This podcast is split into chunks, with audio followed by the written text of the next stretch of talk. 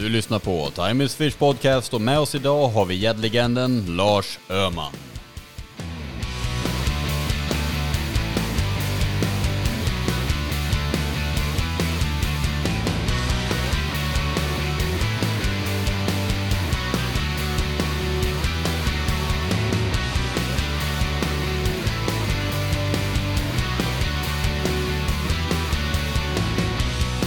Det, det vart ingenting nu heller. Och så rycker du till i armen så att du ramlar ner i betonggolvet. Och du ligger där och hjärtat slår och knäna skakar. är du med? Alltså det är, nu är det en metafor för långsam Jag är- spinn.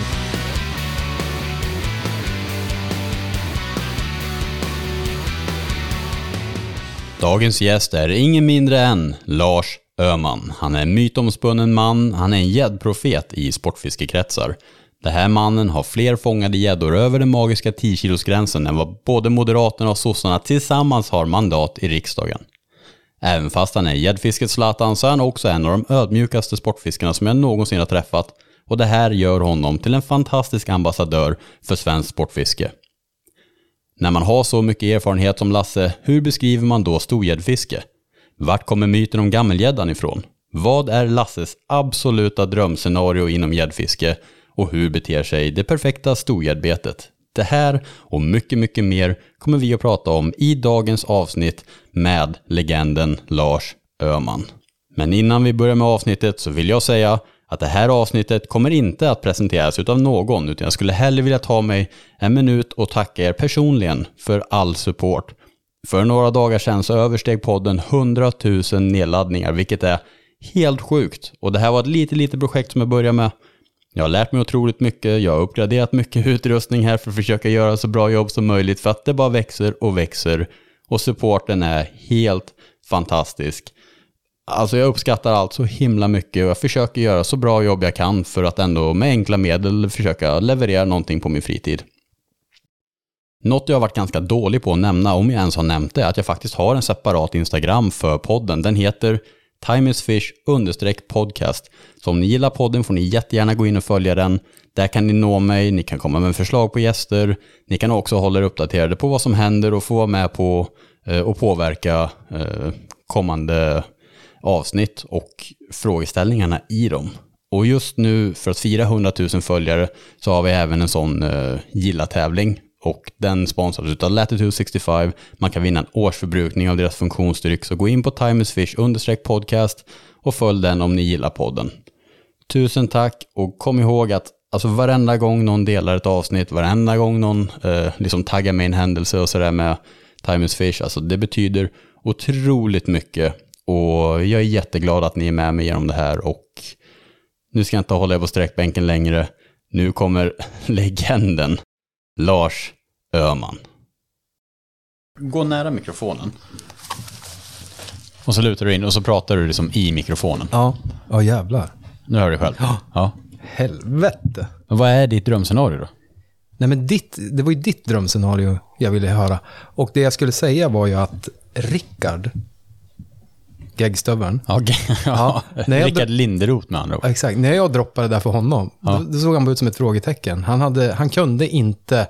Jag tänkte så här att, ja men du, det är klart att du måste ha en, en drömfärna så här på 3 och 5 på någon jävla skorpa som flyter en, en, en, en, en, en natt, liksom så här, pissljummen natt liksom. Ja. Bara, nej, det är, så, så kan man inte säga. Det har jag aldrig tänkt på. Fan vad konstigt det är. Liksom. Men jag, jag har aldrig... Jag har faktiskt inte... Men jag blev lika fr, fråg, alltså frågande som geggstöveln. Ja, men jag Alltså, vet du var inte beredd heller? Okej. Nej, absolut inte. Ah. Men det betyder ju att med all säkerhet så har ju du i alla fall ett sånt minne eller scenario. Drömscenario. Jo, men det har man väl kanske. Men, men, eh, men, men det är ju framförallt ett roligt samtalsämne i båten. Mm. Att liksom dra upp när det blir helt tyst så här. Och på samma sätt även om, om du fick välja ett så här, om du fick välja en, en eh, om du fick välja en, eh, ja men liksom två 12 kilos gäddor eller en på 14. Mm. Är Den, här, är, den är tuff är den. ja men kolla, det är ju lätt. Det, är många På gånger, samma dag eller? Nej, nej, men nej, du får välja. Du får, du får sprida ut dem över säsongen. Och, och då kan ju, eh, svaren kan ju vara ganska enkla. Och eh, kommer instinktivt hur lätt som helst. Men det finns alltid en, en sån här en brytpunkt där det, blir, där det blir svårt. Där det blir jävligt svårt. Ja, nu har jag tänkt några sekunder. Även 14 kilos tar jag tack. Eh, Med plusmeny. Okej. ja, Cola Zero tack. ja. Du ska inte ha en sån här energidryck då? De gillar du i alla fall. vad heter det, men vad skulle du välja då? En 14 kilos eller två tolvor? Jag tar en 14 kilos. Ja. Men eh, En 14 eller två 13? jag tar en 14. Det, det handlar så mycket om att den är större. Nej, nej, nej, men vänta här nu. Vi ska Ja. dra det lite längre. Ja, hjärt, jättegärna. Två 14 kilo så här. Ja. Eller en 15. Vad tar du? Oj, den var tuff. Ja. Men jag har ju inte ens fått så stor gädda så att jag kan ju inte tala av erfarenhet. Nu handlar det bara om drömscenarion för mig. Kom med ett svar då. Men då är det så här typ utspritt på säsongen. Mm, du Kan får fördela dem hur du vill. Jag kan ju dra, jag kan ju dra en helt annan. Oj, alltså den är jättesvår. Eller, eller, Den var sjukt svår. Det är samma också så här, visst, det är ju jättekul att, att ha fått en, en jättestor gädda så här, men okej, en 17 kilos, Ja. eller tre 15 kilos så här, som du får sprida ut över säsongen. Du får kanske till och med sprida ut dem över tre år. Och liksom kanske någon på vårfisken, någon på höst, så här.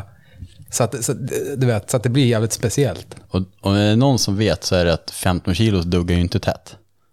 Det är en Nej. svår fisk att fånga. Ja, men jag vill, Det ja, vet du. Ja, men jag vill påstå det. Mm.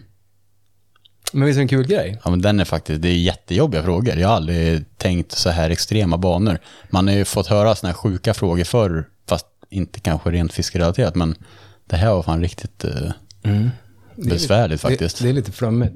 ja, men jag- du då, vad skulle du ta? En 17 eller 315 pangar? Jag, jag tar 17 kilo sen. Mm. Men jag tror faktiskt också det. Ja. Det, det är för att den är så unik. Ja, den är jävligt unik. Jag har en annan också. Det är så här, ett svenskt rekord. Du får, du får, du får välja ett svenskt rekord. Ja. Vilken fisk som helst. Så här, och då, då tänker man så här, ja men kanske gädda eller ja, jävligt mäktigt. Och så får du även välja scenario. Vart, vart du ska få den där, kanske hemmavatten, så här, helt otippat. Någon jävla, jag inte vet jag, någon skogssjö liksom. Helt, eller nu när du drar iväg. När du drar iväg du här Mm. på ditt fiske, då händer det liksom. Det skulle ju vara ett drömscenario. Det hade varit jävligt ballt. Ja, det vet ju du. Eh, Lyssnarna vet inte vad det handlar om, men eh, du Nej. vet ju att det hade Ja. varit sjukt ballt. Ja. Men jag har en kompis som eh, kanske inte är så här gäddfanatiker, liksom, som tänkte rätt kvicktänkt, funderade ett tag och så bara, ja, nu vet jag. Och så bara, havsöring. Ja. Du vet, det är så här 15 och 3 eller någonting från Emån. Det är ju svenska rekord på havsöring. ja, det är sjukt stort. Ja, men kolla. Och så, bara, och så la han till även på kusten. en en, en liksom sprutblank havsöring på 15 och 5 på kusten. Liksom. På en Sölvpilen, 24 gram. Ja, det är en sjuk fisk. Den tänker man inte på. Havsöringen har man inte ens med som en, som en, som en dröm. Liksom sådär. Men den är mäktig. Nu kommer jag på en annan. Ja. Insjööring. Ja. Svenska rekord på insjööring, vet du vad det är?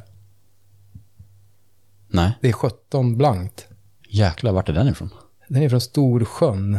Nor- norr. Östersund alltså? Ja, ja, jajamän. Jag tror att det är den stor. Det finns många Storsjön. Jag tror att det är den. Ja. Det borde vara den. Det är ju enorm. Men alltså så stor öring. Kurt Stenlund, om jag minns rätt. 17,0 till och med. 106. Nej, jag- minns inte. Men det är en jävla pjäs. Herregud. Du vet att ta den på, på en trollad platypus i Vänern. Ja, du, du skulle 17 och riva 9. i.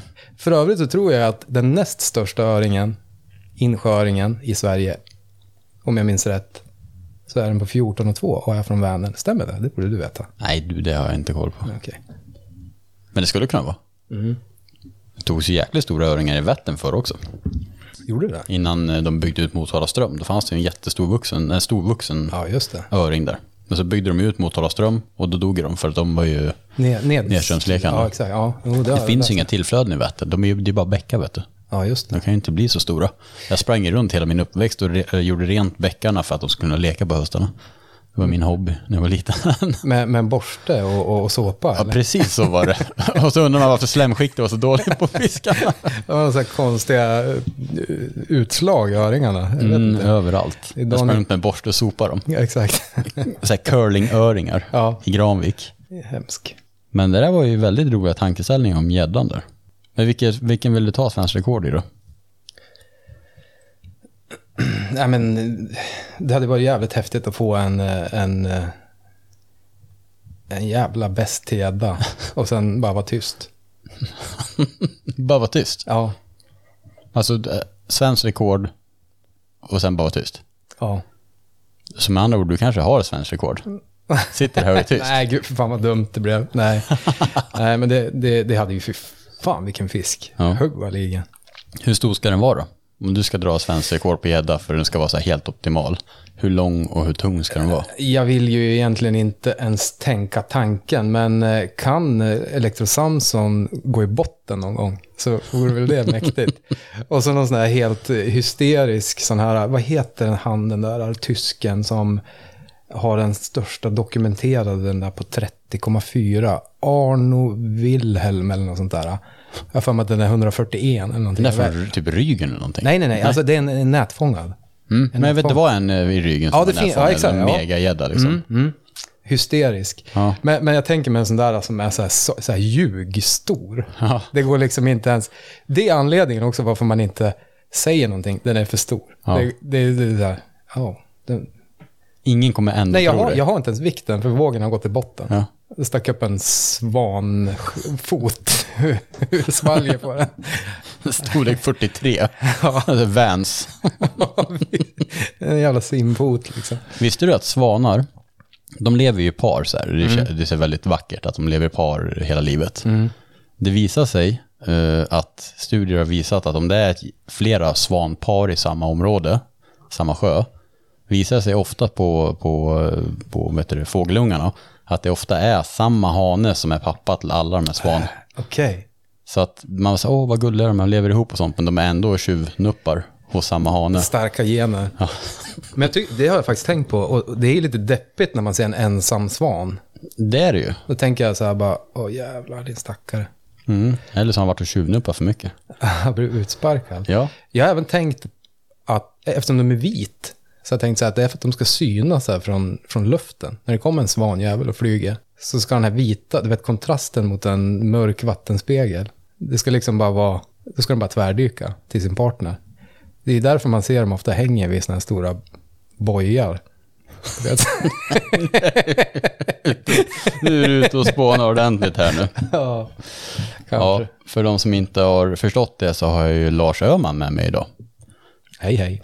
som är min eh, första gäst egentligen. För typ prick ett år sedan så eh, var min första inspelade podd någonsin vid det här köksbordet i Sundsvall med Lasse. Daniel Rogan. Daniel Roman. Den, den podden försvann när allt med min dator försvann veckan efter. Och sen blev den aldrig publicerad. Sen var du med i Gäddpodden Ja. ett tag efter det. Och sen eh, så har det varit mörkt igen. ja. Det har varit Kistan stängdes. Ja, det har hållit det här uppe. Eh, Men det som alla kontinuerligt undrar om dig, hur många gäddor över 10 kilo har du nu? Ja, nu är det 189. Mm. Mer gäddor över 10 kilo än vad sossarna och moderaterna har mandat i riksdagen. ja, herregud. Ja. Ja. Har du något att säga till försvar? Ja, det är återigen defekt DNA-stege. det är liksom... Nu, nu har du varit med i två poddar, en som aldrig blev publicerad såklart och sen Gäddpodden. Har du kommit till insikt med något senaste året här i ditt liv? Ja, det har jag faktiskt. Och vad kan det vara? Ma- Man blir klokare och klokare ju, ju, ju äldre man blir. Och jag har insett att det är så extremt påtagligt att det här fiskelivet är ju riktigt... Det är jävligt pundigt beteende egentligen. Där man liksom helt eh, blir uppslukad av jakten på de här eh, huggen Ja. och tunggungen och det här adrenalinpåslaget. Det är som kommit till insikt eh, bara de sista åren att ah, fan vad jag har liksom, man har verkligen prioriterat det där som en, som en, som en, som en narkoman. Nu vet jag inte vad det innebär egentligen, men Men du, du har insett att det här kanske inte är normalt? Det här är inte normalt. Och jag står för det också. Ja. Det tycker jag är ett friskhetstecken i allt det här mörka. Det är lite som ett tolvstegs, tolvstegsprogram, eller vad heter är det? Det heter Ja, det heter något sånt där. Ja. Ja, när, Där man, kom- ja, men där man har kommit till insikt och liksom... Och så måste man backa bandet lite grann och be om ursäkt till de, de här människorna under de här årtiondena som, som har tvingats, ja men som jag har förkastat i jakten på, på draken. på, på gammelgäddan. Ja, på den ultimata vågen. Mm. Det är ju, det är ju sant faktiskt. Med, med all, Känns det så att du vill be om ursäkt nästan? ja men det kan jag väl göra. Mm. Till alla som känner sig träffad kan jag be om ursäkt. Till alla påskmiddagar när Lasse var ute på sjön. Ja men typ. Ja. Eller vantrivdes. Hör du, ditt, eh, ditt absoluta drömscenario på, eh, visst, eftersom det är gädda, men du- är ju duktig på mycket annat, men just på gäddfiske, har du ett riktigt drömscenario? Ja, jag blir lite överrumplad. Det är faktiskt så flera av de här drömscenarierna som man har haft, om liksom en, eh, de har faktiskt slagit in. Är det så? Ja, men det- man, man kan ju inte drömma iväg vikter hur högt som helst. Man måste ju liksom stå med stövlarna i geggan. Som Skåne. för, för de som inte vet det så har jag lärt mig ett fantastiskt nytt uttryck idag. Geggstöveln. Mm, geggstöveln. Det är skåningar. Mm. M- Mer precis vem? Ja, men det är ju, det, han, han vet, ska man droppa sådär verkligen? Det kan ju vara som ett på, kan, kanske ta illa upp. Det gör absolut inte, tror du det? Han skyller sig själv för Nu, måste, nu ber jag om ursäkt till alla Skånepågar också, som man kallar för geggstövlar helt plötsligt. Jag tror eh, i grund och botten är att det är jäkligt mycket geggiga områden man fiskar i Skåne. Ja, Det är inte värre än så. Men jag tyckte det bara var ett väldigt roligt ord. ja jo, men det är... För någon specimenmeter nere Ja, i det Skåne. kan ju vara någon, ja precis, någon som eventuellt har flyttat norrut. Sådär. Ja. Ja, kanske heter Rickard. eller jag vet inte, något liknande. men drömscenariot, men som jag sa, flera drömscenarion har ju faktiskt hänt. Förutom att, att man kan ju liksom önska ännu mer vikt. Alltså så här, dröm, den, den eh, ultimata drömgäddan har ju liksom inte hakat i. Men många drömscenarion, till exempel en stor liksom spinnfiskad förleksgädda så här på, på, på, på wobbler, spinn, så här traditionellt. Har man ju drömt om i årtionden och liksom vi har pratat om det där, jag och min gäddkompis från dag ett, Rickard Persson. Man har tänkt så oh shit, tänk om det skulle komma, tänk om det skulle komma en på 15, oh, sådär. Det, det, har, det har liksom slagit in. Mm. Hur stor var den? Min, på det fisket, 16 och, 16 och 32. 16 3 20, ja. Men, men det är historia nu. Men drömscenario, ultimata drömscenario, det skulle ju vara en... Vänta.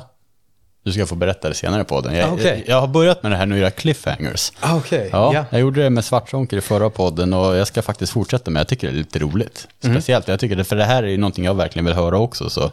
Men vi håller på det här lite grann till senare i podden. ja.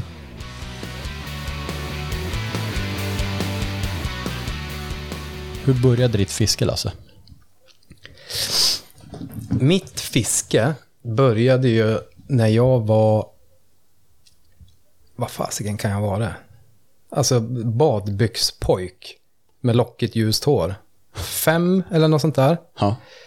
Eh, med fjärilshov och fångandes storspigg i Bergafjärden. Norr om Sundsvall. I, hos mormor och morfar. Och eh, det var ju egentligen, det är lite fascinerande. Jag har också tänkt på, hur kunde det spåra ur så här? För det var ingen i min närhet som fiskade. Men jag gick omkring där och hovade eh, spigg och, och såna här små mäl, räkor och grejer som man kunde se där. Och grodor och sånt där var jag också jävligt fascinerad av. Var det redan. generellt sånt som var under vattnet? Det var det som lockade liksom? Ja, men amfibier, grodor, ödlor, ormar, eh, allt sånt där. Det där är för övrigt någonting som många andra också har samma intresse. Det började i alla fall där eh, och rätt vad det var så fick jag ju syn. Jag minns även, jag inbillar mig att jag minns när jag såg den, min första gädda i den där åldern, badbyxåldern med fjärilshov. Och få syn på en sån här liten, som en halv blyertspenna.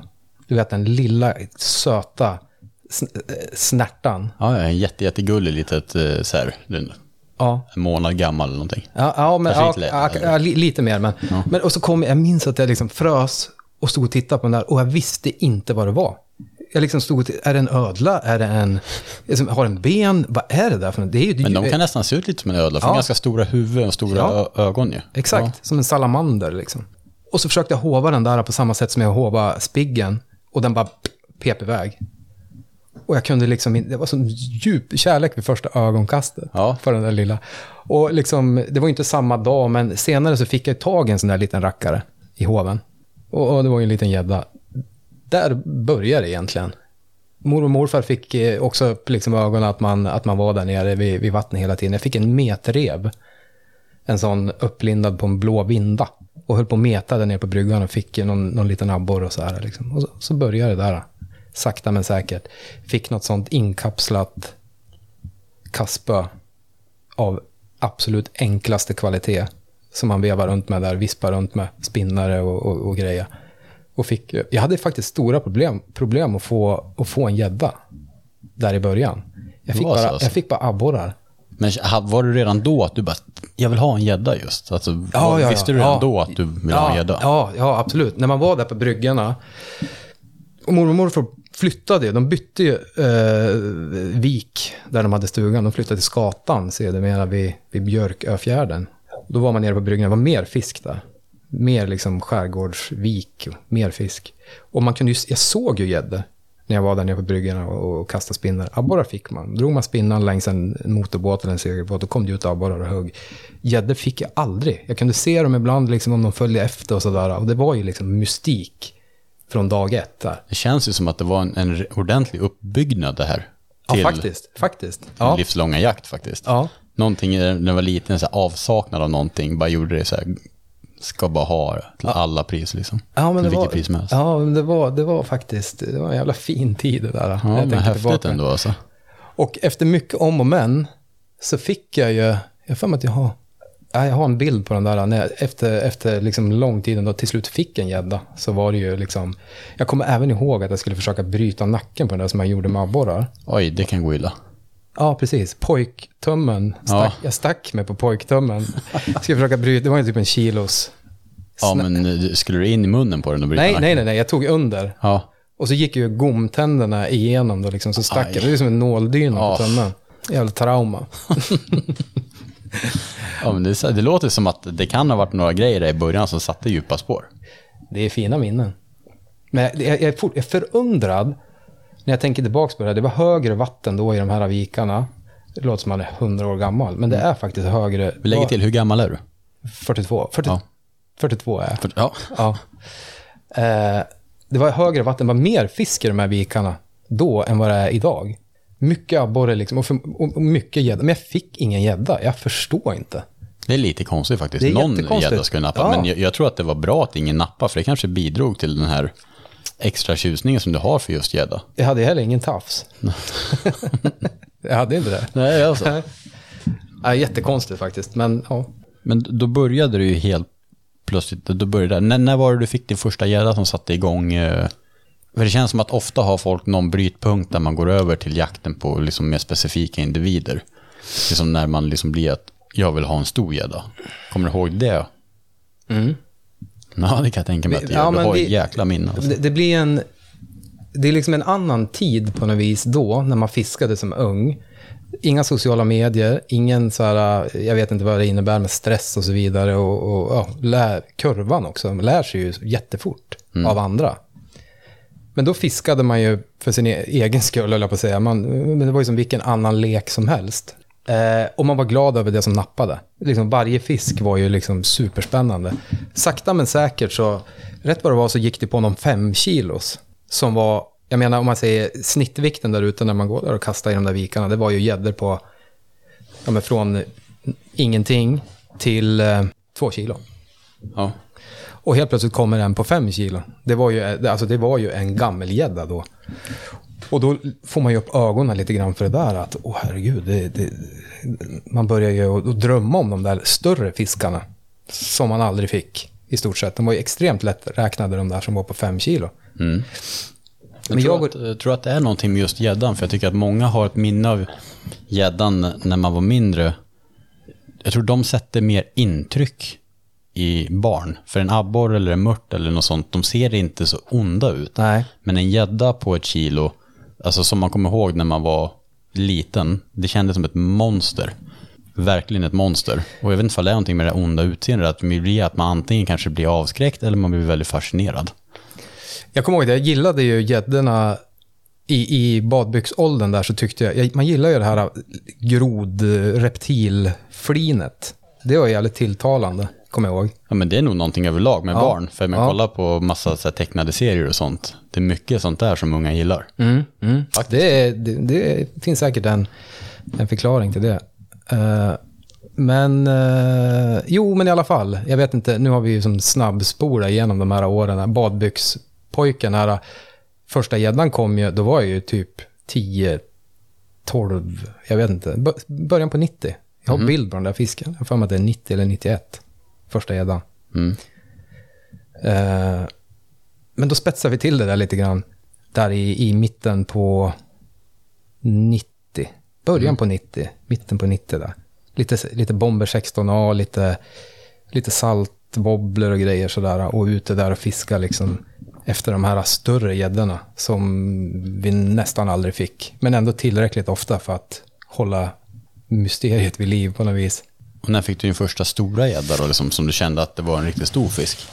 Men jag, jag min, den, den första fem kilosen minns jag som en riktigt stor gädda. Det var en jättestark upplevelse att få Ja. den där fisken.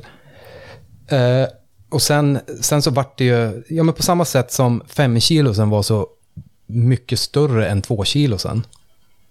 Så var ju min nästa stora gädda var en åtta kilos. Ja, det måste ju kännas enorm.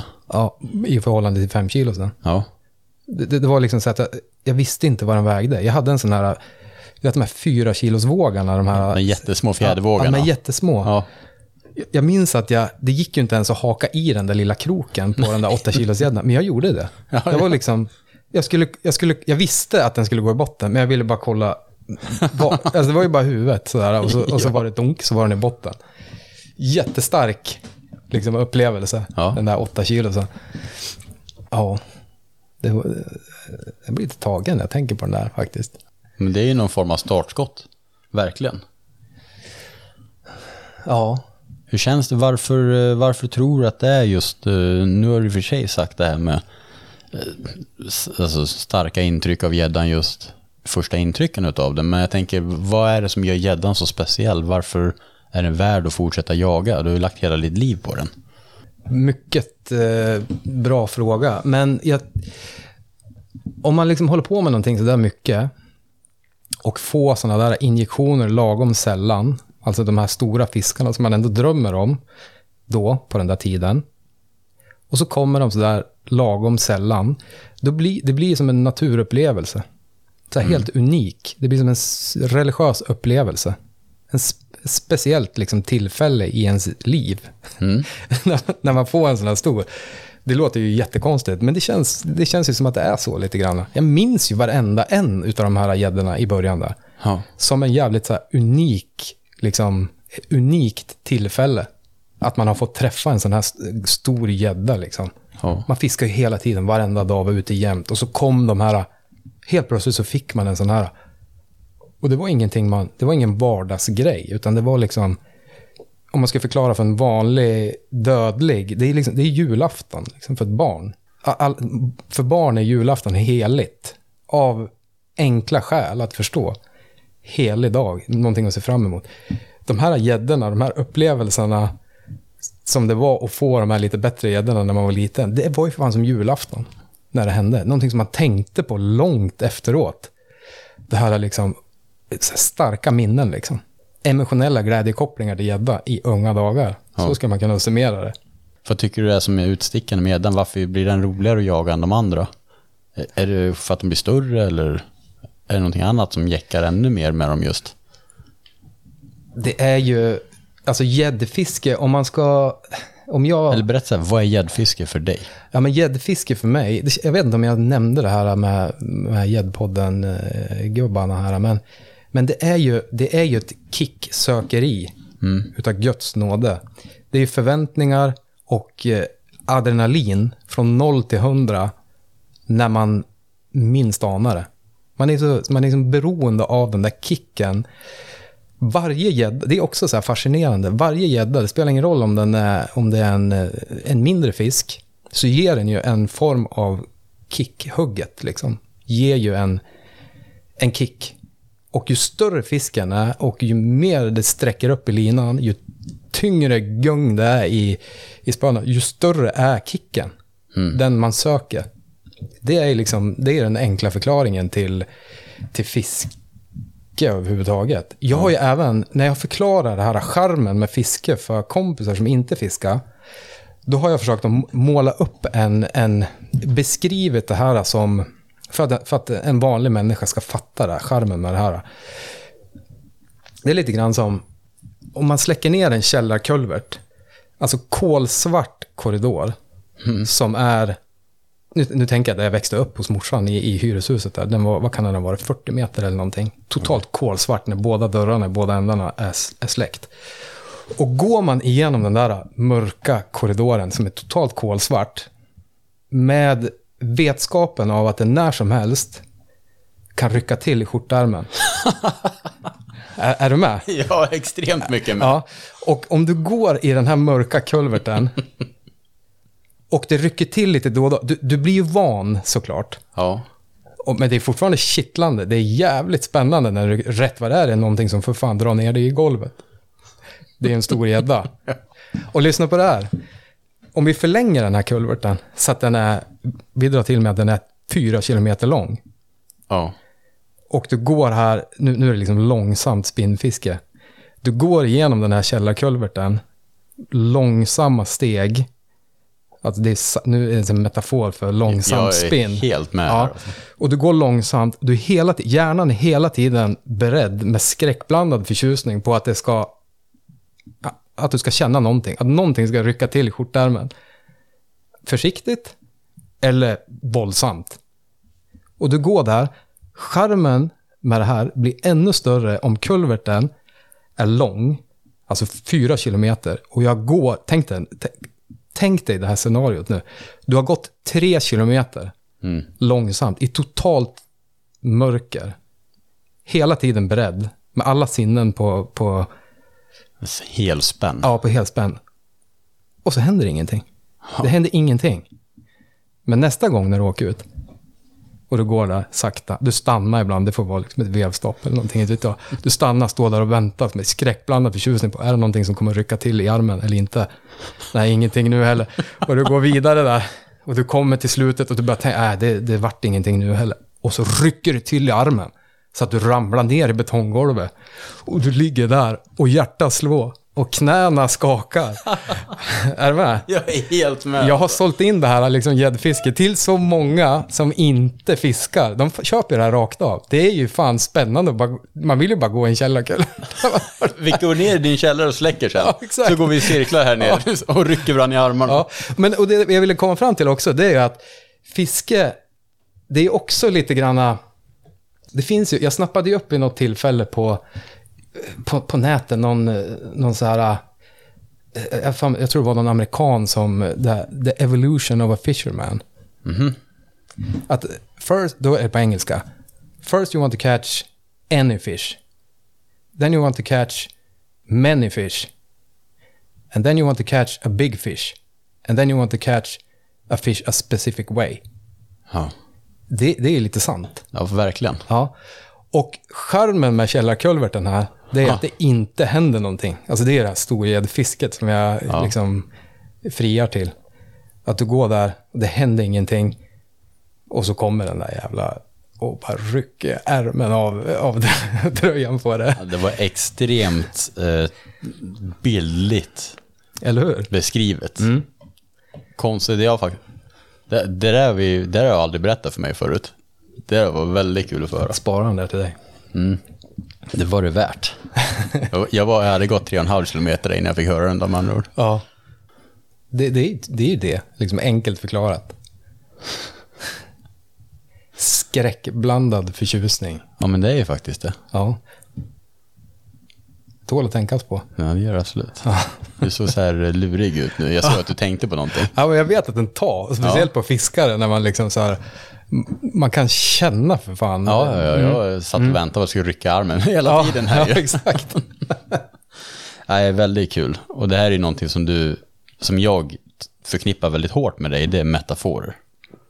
Mm. Du är fantastisk på att hitta liknelser i, i, i olika saker och stanna upp och dra, istället för att berätta någonting så berättar du en liknelse så att man förstår direkt. Men- för oss eh, dödliga liksom. Ja, men det är lite så här butik, man, man jobbar i butik så... Ja, det ska tilläggas att du jobbar ju hos fiske.se. Ja, ja men precis. Och, och när man har liksom försökt förklara så här... Det är så lätt att, att, att dra de här, det, det är lite så här peda, överpedagogiska liknelser bara för att av. Det är så mycket fackspråk och det är mycket som är som onödigt komplicerat. Så här, inte speciellt användarvänligt. Mm, sant. lager, linuppläggning och det är liksom så mycket konstigt. Jag vet, jag, jag förklarade ju liksom haspelrullar som klockor. Jaha. Liksom alla, alla klockor visar tiden liksom. Det spelar ingen roll om det är en Rolex eller om det är en, inte vet jag om du har fått en ett Kinderägg eller sådär. Och vad menar du med det då? Att alla haspelrullar... Alla haspelrullar är bättre än ingen haspelrulle. det jag tänkte komma till det är, att, det är att den som kommer ur Kinderägget där, den kanske visar fel tid. Ett- Ganska snart. Så att du bör ju liksom, du ska inte, förli, du ska inte liksom koppla ditt liv, dina möten och så vidare till en klocka som du har fått ur Kinderägg. Köp en riktig rulle direkt. ja. Inte onödigt dyr, men en fungerande. Den är lite Ja, bra. det, det var en bra metafor faktiskt. Mm. Men alltså, det var som vanligt.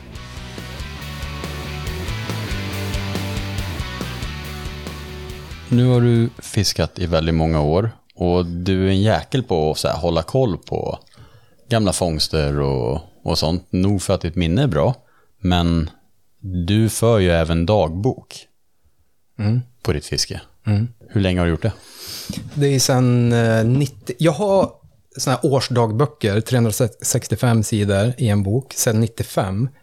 Men jag har faktiskt en till, Aha. så en sån platt där varje dag är bara en liten ruta sådär, Okej, ja. som är 94. Så sen 94. Varje det är år. också så här konstigt. Varje år sedan 94. Ja, varje år. Och, Det är också så här, och grejen är också, det ska ju poängteras, jag vet ju liksom inte varför egentligen. Va, va, va- varför, då? till vilken nytta då? Jag har bara gjort det där liksom. Men jag tror att det är bra, för repetition är ju inlärning. Alltså om man kommer hem och sätter sig ner och tänker efter, om man går igenom dagen i sitt huvud en gång till, då tänker man på detaljer man inte tänkte på, eller som hjärnan inte lagrar direkt. Jag får det när jag, antingen, alltså oftast när jag skriver texter, eller när jag, alltså jag skriver ibland artiklar, jag publicerar inte så ofta eller sådär, men ibland skriver jag artiklar, för jag tycker det är kul. Jag tycker det låter som dag, en dagbok. Du skriver Ja men, dagbok. ja, men det, jag gör det väldigt sällan, men jag tycker det är väldigt kul att skriva. Och Ja. jag, får, jag brukar skriva rätt mycket på typ Instagram-inlägg och sånt där brukar jag göra. just nu har det blivit lite mindre texter, men förr skrev jag längre texter och det var alltid någonting, för då sätter man sig ner och bearbetar situationen. Och på Ja. så sätt lägga märke till detaljer som, inte, som inte hjärnan har lagrat när Nej. det händer. Nej, precis. Samma när man skriver artiklar och sånt. Eh, Och då, då sätter man sig ner, så kikar man på situationen från ett annat perspektiv. Och så minns man andra saker och vad som var bra och vad dåligt på ett mer objektivt sätt. Så lär jag mig ganska mycket. Jag, jag tänker mig att man, om man hade fört dagbok så hade man lärt sig mycket mer. Och snappat upp viktigare detaljer och reflekterat på ett bättre sätt. Och det så har du gjort sedan 94. Mm. Även om inte du sitter och lusläser dina gamla dagböcker så tror jag att din hjärna har analyserat fakta på ett mer objektivt sätt. Ja, det, det är mycket möjligt. Men eh, ja, Kanske. ja. Eh, ja, det har jag inte tänkt på. Men du har säkert rätt. Du är klok. Jag är inte så dum som jag ser ut i alla fall. Det, det, det jobbar till min fördel, Det det är jävla tur. ja, Nej, men jag tror att man analyserar saker bättre om man Det tror jag också. mm, Det tänker tror jag på dem också. så. Vad för fakta skulle du, vad, vad för något skriver du i din eh, dagbok liksom efter en fiskedag så här och, och du har haft, eh, ja men berätta sen, en, en fiskedag som har gått ganska bra. Skriver du ner det då? Jag gör ju små, liksom, eh, det, det är inget överdrivet. Egentligen så skriver jag ju ner temperatur och vind och, Och hur det har gått och hur, eh, alltså hur det har gått för alla inblandade även. Jag skriver ju ner, om du mot förmodan skulle få en gädda, Ja, så, ska jag skriva, så ska jag skriva ner den också. Ja. Eh, men sen så skriver jag ner även, liksom, nej, jag skriver ner när jag har gått på pipsvängen, om man har kört fast med bilen, ja. Alla sådana där grejer. Och så är det ju. Ja, Du skriver ner när du har kört fast med bilen? Ja, jag noterar. Jag kan till och med bli en liten teckning. Alltså jätteenkel, en jätteenkel. Ja. Frustration kan det stå under. Ja. Men det är också mycket känslostyrt fisket ju. Man går ju liksom på en... Det är det här när allting känns rätt. Alltså det känns ju redan... Det är en väldigt påtaglig känsla att, att liksom det känns hett. Det känns så jävla hett. Och ofta, väldigt ofta när den där känslan är så där stark. Det är som en, eh, som en sån där heat värmetermometer. Den är i topp liksom ja. då är det hett också. Då, är det, då har det kommit stora fiskar. När man har fiskat med den där känslan, den där som är så påtaglig, då, har det liksom, då har det hänt någonting. Och, och ofta, jag vill säga varenda gång, Ja. jag drar till mig varenda gång. Och det, sådana där grejer noterar jag. Då, då kan jag skriva liksom så här, kändes hett. Och ibland kan jag även skriva på riktigt också. Kan jag lägga till inom parentes. Och det, anledningen varför jag lägger till det, det är för att när säsongen är rätt och man har liksom tid för fiske, man är sugen, då kan man, i alla fall jag, kan jag försöka liksom tvinga fram den där te- te- tempmätaren i topp, tvinga fram den här känslan av att det är så jäkla hett nu. Tvinga fram den där känslan, åker iväg, fiskar, och det, du vet, det är så påtagligt också, när man, det känns direkt när man, det är fel där. Det känns redan, liksom de första 20 minuterna, att vad fan är det här? Och då, då, det ger ju ingenting heller. Då står det på det, det dagboksbladet så står det ju, då har jag ju noterat även, jag är som ärlig med mig själv, då skriver jag att det kändes hett. Jag åkte med den känslan. Och, så, och så kan det stå inom här, trodde jag. Liksom, och då är det en fake. Ja. En fake-känsla. Fake-känsla. Det låter, nu är det så här efterhandskonstruktionsvarning. Men, men det är inte det, det är på riktigt. En riktig känsla där ute. Det är en riktig känsla. Ja. Tror du att den där känslan, är det någonting som eh, kommer efter väldigt mycket tid? Och väldigt, många gånger när du liksom har fått svar på dina känslor? Eller är det någonting som du känner att du hade redan från början? Jag vill ju inte tro på det ockulta. liksom sådär.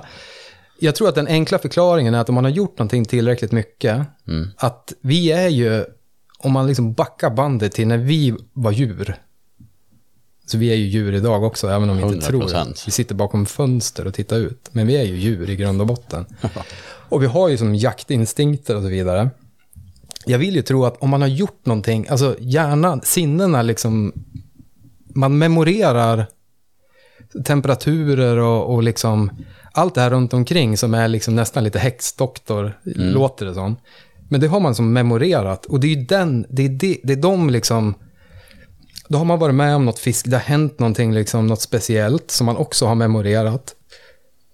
Och vind, väder, alltihopa det här, när det liksom sammanfaller så här, då, då minns hjärnan det där euforin som uppstod där. Mm. Det vill jag tro är förklaringen till den där jävla påtagliga känslan av att nu är det läge. Men jag är helt, helt enig på det alltså. Att det är liksom, Vi, vi funkar ju så, vår hjärna funkar ju på att hitta detaljer och, exakt. och ta oss dit som är bra för oss. Mm. Och jag tror att den gör ju det där såklart i bakgrunden. Det är ingenting vi tänker på, Nej, men den lägger ihop detaljerna, Ja. precis som du säger. Ja. Eh, Och ju mer man gör någonting, ju bättre blir man ju på den här känslan antagligen. ja, men precis. Det, det är ju lite som, ja, nej men jag, jag, vill tro att det är den enkla förklaringen. Sjätte sinnet. Pike sense. Det är samma det här, det är ju en jävla spännande grej. Det här sinnet när man känner sig iakttagen. Ja, den tänkt- är ju extremt påtaglig. Ja. Det är konstigt. Det är riktigt kon- den kan, det, det kan liksom den moderna människan inte riktigt förklara. Nej, men den är ju ännu konstigare. För det, är ju, det ska ju typ vara fysiskt omöjligt att man känner fysiskt att Exakt. någonting tittar på en. Ja, det är så energier typ, eller något. jag Ja. vet inte. Uh, det är Ja, men den är riktigt, konstig. Ja, den är riktigt flummig. Och den, det är också, det finns exempel när man har, när jag har fiskat ensam så här, när man jag bara, så känt mig iakttagen så här. Kanske var det mörkt liksom, så, så vänder man sig om så här och så, och så, tittar, och så glimrar, det är en räv eller någonting som, som sitter och tittar på en. På, Men det på behöver inte vara människa som iakttar. Nej, exakt. Det, det bara känns så här. Häftigt. Ja, det, den är svår att förklara. Mm. Ett väldigt intressant ämne. Du som har fångat så otroligt mycket storgädda. Finns ingen bättre att svara på det här än du. Hur tänker du med olika drag? Lär sig gäddan vad den ska äta eller inte? Om, känner de igen drag? Vad, är de nyfikna på nya drag? För att om vi bortser från marknadsföring och allt sånt där med alltså, drag, gädda, hur stor betydelse har det? Jag vill ju tro att eh, det har en jättestor betydelse. Mm. Att, eh, som enkelt förklarat, att de blir avtrubbad. På samma sätt som jag har emotionella glädjekopplingar till till gäddor så har ju gäddor precis motsatt koppling till vissa drag. Vill jag tro. Ja. 100 procent. Och det är också förklaringen till varför jag tycker det känns som främmande om jag skulle åka till ett vatten, om jag, skulle, jag vet inte om jag skulle åka till Mälaren eller någonting så här. Då skulle jag ju, spontant så skulle jag vilja fiska med någonting som ingen annan fiskar med. En svart slang. Nej men jag har ju sett när vi, när vi har varit iväg och fiskat du och jag och så här, då, du, du, ja, alltså du slutar alltid med att du slänger på någonting som är så här skitkonstigt. Ja, men ja. Bara för att liksom vara så annorlunda från mig och den andra som du bara möjligtvis kan. Jo, men då finns det också en så här lite nobel tanke bakom det där. Och det är att jag, om, jag, jag ser hellre att du får fisken eller, eller den andra. Jag behöver, inte få, jag behöver inte stå och fiska med samma bete som du för att få fisken. Om jag ska få den här fisken, om det nu kommer upp en stor fisk, då, då vill... Då, då, som en ursäkt så har jag fått den på något konstigt. Så att du kanske inte hade fått den. Nej, Är du med? Alltså, ja. Det finns faktiskt, en, jag, jag, jag tänker faktiskt så. Om vi skulle stå och fiska på, om det är skarpt läge och det, det, det, det alltså drömmen kan slå in, då ka- skulle jag nog kanske inte hålla på så och Mm. Nej, dö- döma mig med... Det ska tilläggas att när vi har fiskat så har det ju varit av mer roliga skäl. Inte storgäddfiske I, i, deluxe skarpt läge. nej, I skarpt läge, då, då finns det någon, något så här självförtroende, då, då, då är det allvar. Det Mm. är, aj, aj, då kan man inte hålla på och tramsa på med några, med några konstiga grejer. Har du hört den där studien om eh, gäddan och guldfisken? Nej.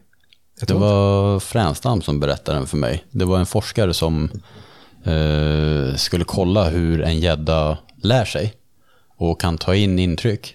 Så han tog en gädda i ett akvarium, så lägger han i en guldfisk i en, en, en glasskål, liksom, ett litet flytande akvarium Okej, som ge- helt genomskinlig. då. Och den där gäddan försökte attackera den där guldfisken om och om igen, ja. men gav ju upp efter någon dag. Ja, såklart. Ja, Anknäbben är född. Exakt, det var den, för, den första så här duckface. Men i alla fall, den gav ju upp till slut. Ja. För att okej, jag har lärt mig, jag kan inte ta den där. Det, det där är inte föda, det är inte bra för mig. Nej. Och sen lät han de där två vara där i ett tag. Hände ingenting. Till slut tog han och hällde ut guldfisken i akvariet. Så den var fri där i. Gav han fan i den. Jepp. Han tog aldrig guldfisken. Så Det- de levde där i. Det här är, det blir häftigare. Ja, jag har en anekdot på det här Sen, också. sen släppte han i flera guldfiskar. Gäddan gav fan i dem. Sen släppte han i två nya gäddor. Då började de jaga guldfiskarna. Vad tror du att gädda nummer ett gjorde? Han lärde sig. Han började jaga guldfisk igen. Vi måste ge dem mer cred. gäddorna. Nej, men det, det är var, smarta jävlar. Tobbe sa att det här var en ganska känd studie inom kretsar som beskriver fiskars beteende. Och det där var lite gåshud tycker jag. Mm, jag tycker det Det är skitfräckt. var väldigt, väldigt häftigt att höra. Jag tänkte att det där beskriver ju betesval ganska tydligt, att gäddor lär sig vad som är och vad som inte är föda och så vidare. Faktiskt. Om vi snackar om gäddbeten och sånt, det är kul att höra för du är ändå ett levande facit. Rörelse. Om du skulle få beskriva den perfekta storgäddbetet.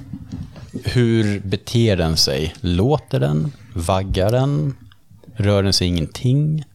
Beskriv så här, utgå inte ifrån ett helt, du har ju såklart fångat stora gäddor på massor olika beten, men om du bara så här blundar och beskriver framför dig ditt ultimata storgäddbete? Ja, det där var ju den är djup. intressant fråga. Det finns inget enkelt svar, för det är ju även det känslostyrt. Det beror ju på årstid och alltihopa, hur man fiskar, vilket djup och alltihopa. Säg i... eh, Men jag vill ha lite rörelse. Jag vill ha, jag vill ha, eller jag vill ha, det är ju gäddorna som vill ha. Jag har förtroende för lite rörelse. Och, och liksom loj, lunkande gång. Lättfångat, nästan provocerande lättfångat. Vad trodde du att jag skulle svara? Nej, men det är bara kul att höra. Ja, men... Ja, men jag står nog för det där svaret. Mm. Provocerande lättfångat. Ja, Det var väldigt bra beskrivet. så kraftlöst men ändå levande. Ja. Som en... Det är nä, nä, nästan drömscenario inne på nu, känner jag. Ja. Det är nästan så det rycker till i skjortärmen. är, du, är du nu och springer i källargången nu? ja, men... ja. Vad heter det? Nej, det är intressant. Hur, och ska tänka oss eh, färgen. B- när du är ute och spinnar och du känner att du behöver någonting nytt. Känner du hellre för att byta bete eller byta färg? Det, det är också så här självförtroendet liksom sviktar och, och det är som, man vill ha en ny lott. Det har ju betydelse för fisket också. Ja. Alltså så är det ju. Men många gånger så är det ju att, f- nytt hopp. Man liksom, det är en ny lott på något vis. Skrapa en ny lott på något vis. Nytt, nytt hopp, nytt bete, nya bud. Mm. Och byta färg och så här. Jag vet inte, det... Jag vill det har betydelse. För, för hela liksom... För hela känslan. Det är så otroligt liksom känslostyrt. Det ska kännas rätt allting. Mm. Jag vill ju känna liksom vete. Det, det är liksom... Jävla löjlig grej egentligen. Men visst är det det. Det viktiga aspekten i, viktigaste aspekten i ett bete och färg är ju att man tror på det själv. Det är, det är så otroligt viktigt. Ja. För att det ska vara kul. Ja, men man måste ju orka stå där. Man måste orka gå i den där långa svarta gången. Ja, exakt. Då måste ja. man ju veta att man går rakt. Ja, exakt. Man vill inte ha högklackat. Vilken färg är högklackat? För dig. Spontant vill jag, ju- skulle jag ju säga Fire Tiger. Men, Jag, jag, ah, jag tänkte också Ja. på Fire Tiger. Ja. Det är högklackat för mig. men det, det, det är bara en sån här personlig... Det är mycket så här dumma grejer. Man har så mycket fyr för sig när det kommer Mm. till såna där grejer. Mycket teorier och grejer. Visst sätter man mycket mentala käppar i sina egna hjul? Ja, visst. Det vet, tycker jag är eh, viktigt att jag tror... Det är inte... Det är inte gä- gäddorna har ju liksom ingenting att säga till om, utan det är så mycket personligt. Ja, vad man ja, absolut. tycker. Man kan hata färger starkt. Liksom, du är på, vad är du på, Daniel? Vad är det där? För någon... Ja, jag vet inte vad det är. Vad, vad, vad, vad häller du på? Kom på någon ful färg. Fire Tiger? Ja, Fire Tiger. Vad gör det? Och så nappar det. Vet du vad, jag hade ju, jag vet inte, det är faktiskt en kul grej Ja. när, om vi ska droppa, ja men det, det, det är en kul grej. För när, när jag och eh, Rickard Persson, när Platypus kom, Ja. så fanns det ju en färg, jag döpte, det var ju Felix tomatketchup, den här röda med, alltså en Red Tiger egentligen. ja, ja. Klassisk Oh. röd med svarta ränder. Ovanligt ful. Mm. Det finns ju heta Red Tiger. Den här var ovanligt ful. Ja. Mycket rött, en svart prick och lite så här streck ner liksom. Ja. Och jag, jag, jag sa ju till Rickard, om du någon gång får en... Alltså det här var ju så dumt. Eller nej, det var egentligen lite så här frieri till... Lite så här omvänd karma. Jag sa ju till Rickard, om du någon gång får en tia på den där, det händer inte. Du, det går inte. Du kom, det kommer aldrig att hända. Ja. Hur, hur länge har de... Det är inte så jättemånga år sedan, men det är ändå... Hur länge Som sedan? platbussen kom? Ja. Den kom ju 12 år sedan tror jag. Ja, jag tänkte det är typ tio år sedan. Den kom ju typ året innan jag började på Fairpoint. Så typ 12 år. I alla fall, Rickard fick ju på den där... På ganska kort tid fick han ju fyra tior, jag tror. Som tre av dem var över 12.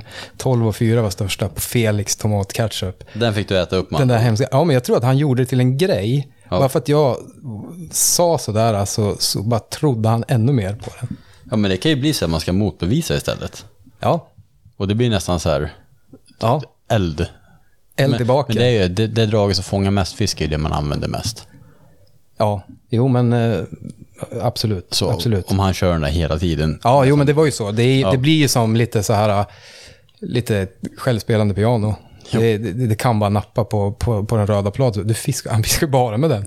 Så, ja, men då blir det ju men, så. ja, men han visar, det gick ju. Ja, Den sägningen där, den, Den fick du äta upp. ja, men det var lite meningen också. Jag tyckte var kul om han får på den där konstiga. Så kan jag fiska med mina heta.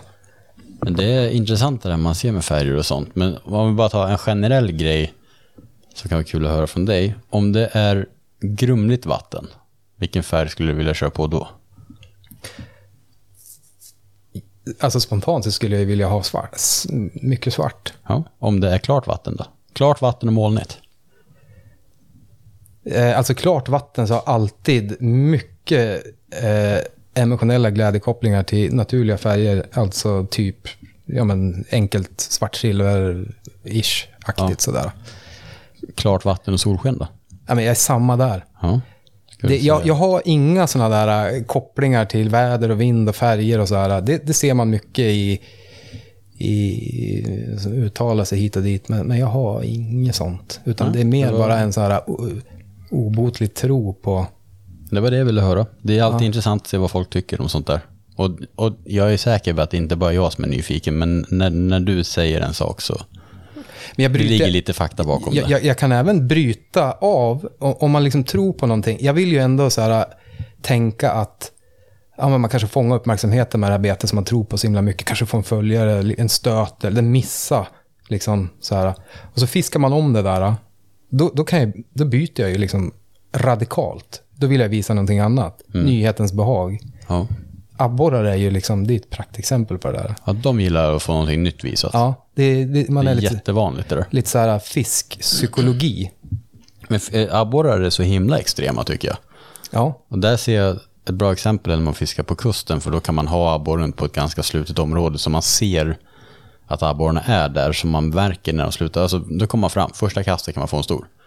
För två år sedan var jag filmad med freewater abborrfiske och då kom vi in på ett ställe, då såg jag med elektroniken, här är det massa fisk. Första kastet tror jag på, typ på en Stanley Stickleback fick jag en 19, alltså det var en hög 1900 Åh, ungefär, men ja. 1920 kanske det var. Och sen ingenting mer. Nej.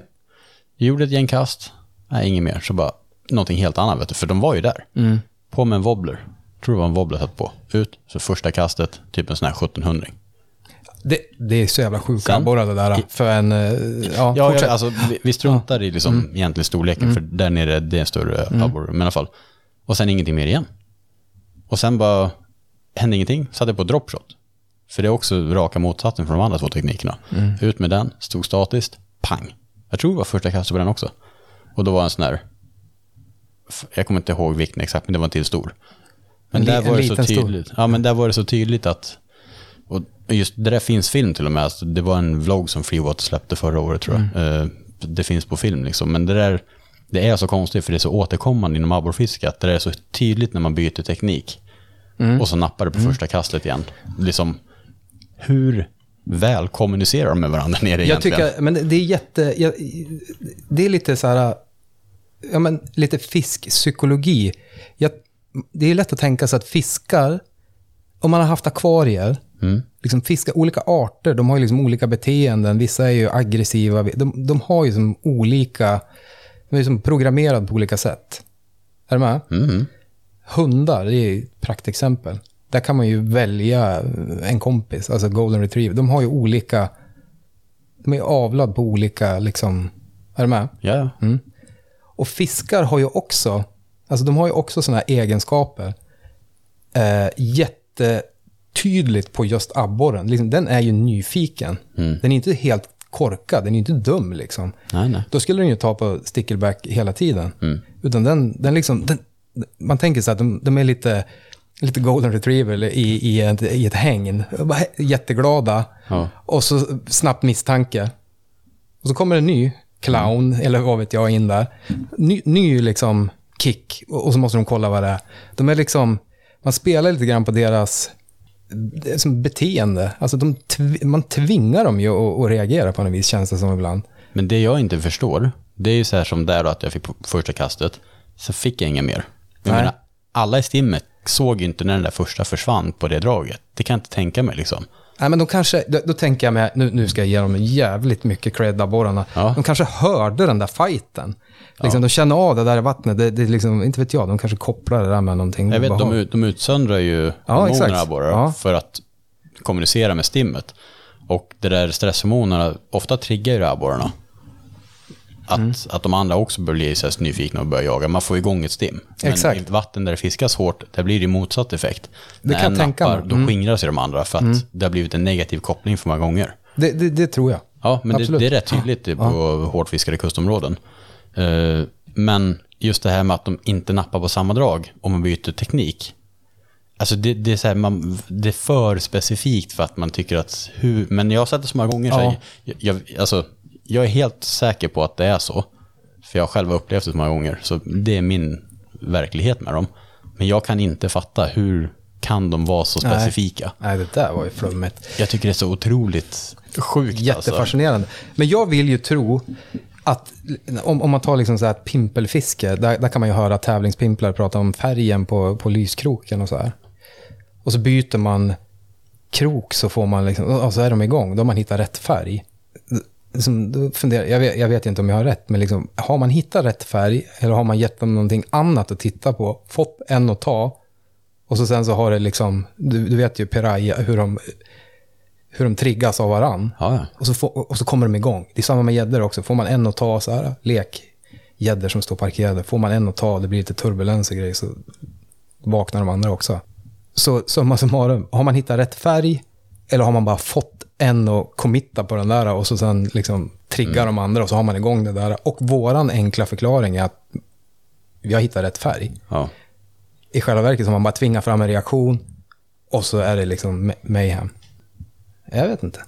Nej, det, det är en djup fråga, men jag tror också att det handlar mycket om att vi vill ju hitta någonting att tro på. För att, Ja. för att vi ska kunna rättfärdiga eh, alltså att vi har fått en fisk. Då måste vi hitta en anledning varför högg den. Och så måste vi hitta, och det vi vet är ju att vi bytte färg. Då blir det det enkla svaret. Att den kanske råkar pricka exakt rätt individ som sen eh, fick alla andra att hugga. Det vet man ju aldrig. Nej, Men där kommer vi in på en sak som vi också ska diskutera lite Ja, grann nu. okej, ja. Alltså, vi- nu snackar vi rätt mycket här faktiskt. ja, ja det är på, på djupt vatten. Det är där vi ska vara. Exakt. Hur tänker du när det kommer till, eh, det här är en väldigt intressant grej, jag pratade lite grann med Svartzonker om det, men det är någonting som jag har tänkt mer och mer på senare år. Och det är gener på fisk. Ja, Mm. Det är någonting som jag känner starkt för nu för tiden. Alltså förr kändes det som, alltså, en abborre är en abborre, men det finns olika gener. Precis som att människor har olika anlag. Liksom, vissa blir långa, vissa blir... Alltså, du kan se stora befolkningsdelar som är generellt sett kortare. Du ser befolkningsdelar som är väldigt grova och långa. jajamän. Alltså, det är samma med gäddor. Ja. Eller hur? Ja, ja, ja, absolut. Det där är också någonting som jag har inte tänkt... Jag, jag, jag som levt i någon romantisk bild av att en stor gädda kan dyka upp var som helst. Teoretiskt så kan den ju dyka upp var som helst. Ja. Men, men liksom det med genetiken, det har jag fått upp ögonen. Alltså det är från muskyfisket där, när de... Det, är, ju- det är ju liksom vissa strands, eller vad de säger, Okej, ja. som, som, blir mycket större. Alltså som, de växer fortare, de är matglada, de hugger, de är lättare att få, de blir större. Dyrt, dyrt, dyrt, dyrt. Det är liksom genetiken. Och det är ju verkligen eh, någonting att, att liksom ta på allvar. Ja. Även en, en sån grej som man, alltså ha, ha, låta de här stora fiskarna leka. Mm. Liksom ha kvar dem i vattnet. Det är ju faktiskt, alltså det är ju genetiken. Emån är väl ett praktexempel, liksom de här havsöringarna som blir så himla stor. Det är, det är ett praktexempel på genetiken. Mm. Odlar man fisk liksom på, på vuxna små öringar, liksom som, om vi säger att vi ska ha en fiskodling, så odlar vi havsöring på, på vuxna fyra kilo. Så här. Det är som svårt att se att vi ska få några MO-öringar i det vattnet. Alltså då säkerställer man ju inte att det är de stora kraftiga som leker. Nej, exakt. Då har man som nästan odlat bort de här storfiskgenerna. Det, är- det är allvar. ja. Alltså med gener generellt alltså, det är ju... När du letar efter gäddvatten och sånt, tänker du mycket på och tittar på hur fiskarna ser ut och kollar du liksom efter specifika aspekter på dem. Ifall det här finns potential och sådär. Eller alltså tänker du mycket på att oj, de här ser ut att ha anlag för att bli stora här. Det blir bra. Det är ju bra för självförtroendet om gäddorna ser bra ut. Mm. Men det, jag har massor med exempel på när det, det liksom kan slå hål på den här teorin om att... Eh, alltså jag har två grejer som jag tänker på nu. Ja. En, det är många år sedan, jag och Rickard fiskade. Han fiskade själv förresten. Och får en jättefin höstgädda på 120 cm och 14,6. Mm. Mm.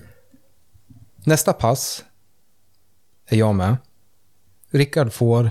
Det här skulle kunna vara det första passet liksom, som sätter standarden för hela känslan för vattnet.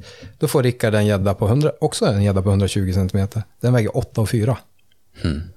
Alltså ett, ett, ett vrak, en riktig, en riktig gammelgädda. Ja. Det är som två extrema...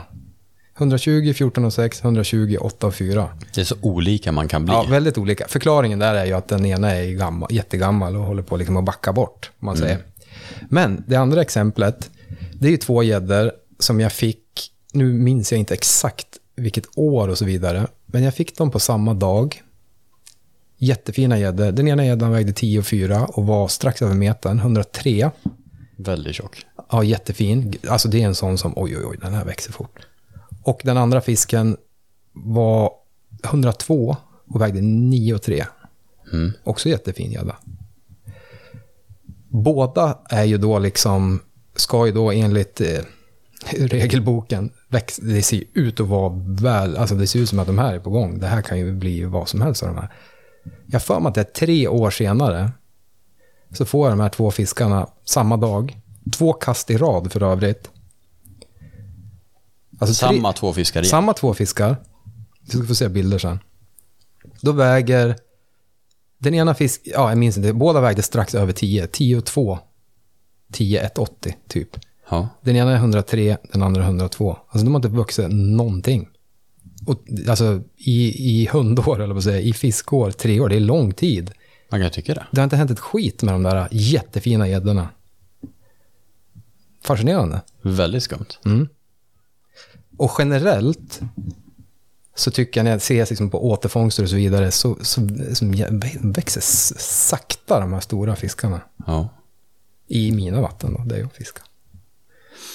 Det finns säkert eh, exempel som sticker ut också. Men just det där tycker jag som... Jävligt, jag varit jävligt förbluffad över att de hade stått så still. Men det fascinerande med det där exemplet är ju att det, ser ut att vara så här, som, som att de växer fort. De hade alltså ett litet huvud, grov över ryggen, alltihopa sådär. Att det, att det är- här är grejer på gång. Och det var det fan inte. Tre år, då, ska, då kan det hända mer. Det kan man ju tycka. Ja. Ja, så det, det, det är svårt att dra slutsatser ifrån okulära besiktningar. Ja. Men generellt är det ju trevligare att fiska med en god känsla. Och en god känsla ger ju fina gäddor. Helt klart. Och sen någonting annat som vi har diskuterat en del med gener och sånt. Och tänker lite så här utseendemässigt på fiskarna. Till exempel sådana detaljer som en fena. Ja. Det är någonting som jag aldrig har tänkt på förrän du sa det för något år sedan. Det är ju det här med att man kan tänka att en gädda, åh shit vad den väger eh, lite för att vara så lång. Ja, exakt. Mm. Fast den ser fet ut. Ja. Konstigt, vad är det som är konstigt? Ja, så man har en jävla målarpensel där bak. Stor Ja. stjärtfena. Exakt. Och abborrar. Abborrar och även, det blir väldigt påtagligt på, på öringar. Ja. Man tycker liksom grova sådana Skogaholmslimper. Alltså att den ska väga, vad fan väger den inte mer om den är så här 81 centimeter lång? Mm. Den, den borde väga mer. Om man är van kanske havsöringar och så kontra insjööringar. Det, det skiljer ju jättemycket olika vatten. Mm. Och så, bara, fan den har ju lite längre. Du vet, någon centimeter bara där på stjärtfenan kastar ju omkull hela bilden av konditions, den normala liksom konditionsfaktorn. Just det här liksom på abborre, där en centimeter, alltså en 49 och en 50, det är ju en jättestor skillnad på Ja. de två fiskarna. Ja. Det är ju två vitt skilda fiskar. Ja. Alltså 49, mycket mindre än en 50. Ja, ja. Men Du såg bilderna jag visade dig? Ja, helt sjukt. Lasse visade en bild på en abborre som såg ut som en slöjstjärt. Det såg ut som den där golfbollen som, du, som din gädda jagade Ja. när du var liten. Ja, Nej men alltså, på riktigt. ja Den men ett, ett ju- nummer för stor stjärt. Men den måste ju vara dubbelt så lång än en vanlig stjärt. Ja, det och såg då- helt sjukt Och då alltså. blir det ju också så här bara, ja, f- 50 centimeter. Oj, ja, vad vägde den då? Så bara, och så var den fet och fin. Och så Ja, väger den bara liksom, och så är det rumpan som förstör alltihopa. Ja, men den såg ju så här superstor ut. Och sen bara, man såg den var, fick ju så här 2-3 centimeter bara för ena extra. Ja, Så det är så här sjukt intressant när man tittar på en fisk och tänker att fan, väger den inte mer, liksom, den ser ju fet ut. Alltså, jag, jag har bara aldrig ens liksom, tänkt den tanken att oj, vilken lång stjärtfena den har. ja, men det här är någonting som är väldigt viktigt. Den enda gången man tänker på det är när en gädda kanske har en väldigt så här, en stråle som Ja, sticker ut. exakt. Eller en undre jättelång kontra den över, så här missbildad nästan. Då har man tänkt på det. Men jag har aldrig liksom, egentligen, man har ju inte bara, oj, fick du en stor, en lång gädda? Ja. Var det en lång stjärt eller? Alltså, jag har aldrig hört någon säga, vad hade en lång stjärt eller? Det är här svår. Det syns ju egentligen inte på bild heller nödvändigtvis. Om Nej. du håller en fisk så här. Det, det, det syns ju inte att, att stjärtfenan är stor. Om den inte ligger ner så här dokumenterfotad. Ja. Alltså på en måttband eller ja. Så. ja. Och det är ju så här bilder man kanske inte ser publicerade. Så. Nej, exakt. Nej. Så ja, det är, det är lite fascinerande Ja. faktiskt. De är skapat olika, olika vatten, olika kanske genetik, vad vet man? Men apropå att tänka på detaljer på fisk, det hände ju en grej i våras som var väldigt intressant. Vi behöver inte nämna några namn och sådär, men det var en, en, en väldigt duktig fiskare som fångade en skitstor gädda och hade glömt vågen hemma. Okej, ja. Ja, du vet precis vad jag Ja, nu. Ja. ja. Han hade glömt vågen eller vad, fick ingen vikt. Hade väl längd på den och la upp den på sociala medier. Mm. Och en fantastisk fisk. Mm. Och sen gick det några veckor. Menar, du bor här uppe i Sundsvall, det är långt bort ifrån där de här fiskarna fångats. Mm. Och sen är det en helt annan person som inte har något med person nummer ett att göra. som fångar en jättefin gädda och lägger upp och skriver vad den vägde, för han fick den på trolling. Mm. Och var skitglad för den där stora gäddan. Mm. Och då ser man så här i kommentarerna, bara när jag scrollar förbi den där och likar, och så ser man Lars Öhman har kommenterat. Grattis, person nummer ett. Ja, Här har du bara, så du vet vad din gädda vägde. Som du inte hade våg till. Ja. Det där är ju jävla kon... Alltså det där var ju också en sån här grej som jag tänkte, bara, oj jag ångrar det där på en gång. Jag tänkte om man kanske blir förnärmad. Det var som olikt mig att lägga mig i egentligen. Men Det var grejen inte var, Det sjuka Lasse, hur, hur ser du det? det, det, det var ju det som var liksom det, lite uh, skämskudde. För jag ser, gäddan är jättefin, speci, jävligt speciell teckning. Liksom, sånt lägger man ju märke till. Ja, men jag lägger... Nej, nej, ingen annan hade gjort Jo, det. Ingen av de alltså- här fångstmännen hade Nej, tänkt på men det. jag menar, om, jag, om, jag hade, om, jag hade, om jag hade haft en kennel så hade jag ju lagt märke till att hundarna hade jättefin päls eller liksom en prick där. Och så. Det hade jag lagt märke till. Och det gör jag ju med, på, gäddor också. Jag, titt, Det, det, det är så långt bort ifrån något du ens fiskar eller någonting. Nej, men jag Alltså, det- tittar ju på fisken. Jag såg den, jag såg den och bara, oh, ja, fan, så här cool teckning och fan vilken fin gädda. Och så sen, det sattes ju på något sätt då. Det är helt makalöst. Och, och, så, och så, jag vet, jag kommer ihåg det är där, det var ju på jobbet, jag hade en svacka på jobbet. Och så såg jag den där, eh, precis innan, innan stängning. Och så såg jag den där och så, så jag bara, "Ja, det ser ut som, det där är, fan det ser ut som den där är där, men det kan det väl inte vara, jo jag måste titta. Och så tog jag mig tid att titta. Ja, det är helt Och så var det samma, och då var jag så här, nej. Och så tänkte jag, vad är det för fel på mig? Det var precis det alla andra tänkte också. Ja. Fast inte i negativ bemärkelse. Bara, vad är det? Och där, där märker man liksom skillnaden på, på dig och, och normala människor. ja, men, hur, Ja, men, men sen tänkte jag, men sen så tog det ett tag, och så vart jag som lite stolt ändå. Jag tyckte att, vart jag lite, fan det där var ju lite kul. Och så sen gick det ytterligare tid, då tyckte jag, det där var onödigt att jag skulle lägga mig i det där. Det blev lite jobbigt när du insåg hur många det var som Ja, blev fascinerade över din... eh, ja, först var jag tvungen att påpeka, jag var lite stolt över att jag hade sett det där. Sen fick jag tänka lite grann, så bara, oj jävlar vad konst, det där var en konstig grej att lägga märke till. Ångrade. Ja. Och så sen fick, fick det gå lite tid, så tyckte jag ändå att fan det är lite fascinerande. Och så tänker jag att det är så här konst, liksom, vad hade jag kunnat gjort, vad, så onödig grej att lägga märke till. Jag hade kanske kunnat, Ja, men jag kanske hade kunnat vara en jättebra polis eller någonting som känner igen gärningsmän och, och, och du vet så här. Om du hade haft samma intresse i Ja. det, då hade du säkert varit en livsfarlig utredare. Du och GV Persson hade varit ett jäkla radarpar. Men grejen är att jag, jag, det är inte så här, så här supernördigt så jag håller på och jämför och tittar så utan jag, jag som lägger mig, det är ju den. Så här, och så tittar jag, ja det är det. Ah, Sen ba, bara, otroligt. och det har ju hänt jättemånga gånger, fler gånger, att jag har lagt märke till sådana där grejer. Så här helt o, det är helt o, omedvetet. Ja, men det, här, det är ju det som är så grejen, för att det kommer ju autonomt på dig. Du tänker ju inte på det. Nej. Du, bara, du lägger det på min... Alltså en annan, jag, jag kommer ihåg han, Fångstman 1. Ja. Jag kommer ihåg hans gädda, för den var fantastiskt fin. Ja. Jättefin gädda.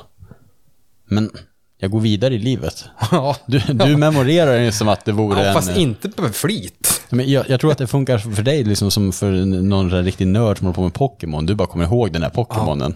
Och sen dök den där upp i någon skogsvrå. Då bara, där är den där samma Pokémon. Liksom. Ja, det är så konstigt. Och det är, man skulle vilja rikta det här i någon, i någon annan riktning. Jag, jag tycker det är bara väldigt kul, för det beskriver hur, hur otroligt vilken annan planet du är på.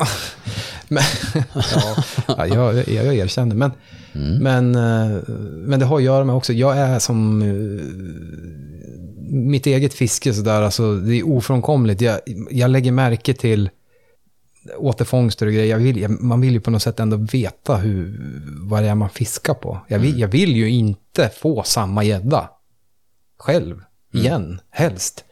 Det är liksom lite, jag tycker som, det får inte komma för tätt, en återfångst får inte komma för tätt sådär för mig personligen. Jag tycker, oj, oj, oj, tyckte jag synd om den där. Du, aj, aj, aj, du skulle ha ätit något riktigt gott istället för att åka på det här en gång till. Det var inte bra det här. Du kommer ihåg Härje? Ja, vilken galning. Den var sjuk alltså. Då var vi och rekade för Pikefight 2020. Ja, jäklar. Vad, fyll i minnet lite grann. Var det, vänta, eller om jag minns rätt nu här. Ja, nu får se för du Ja. minns rätt. Vi, den kom upp fyra gånger på två dagar. Japp, Vi fick den tre gånger. på en och en halv timme. Ja, och du fick den dagen efter. I viken bredvid.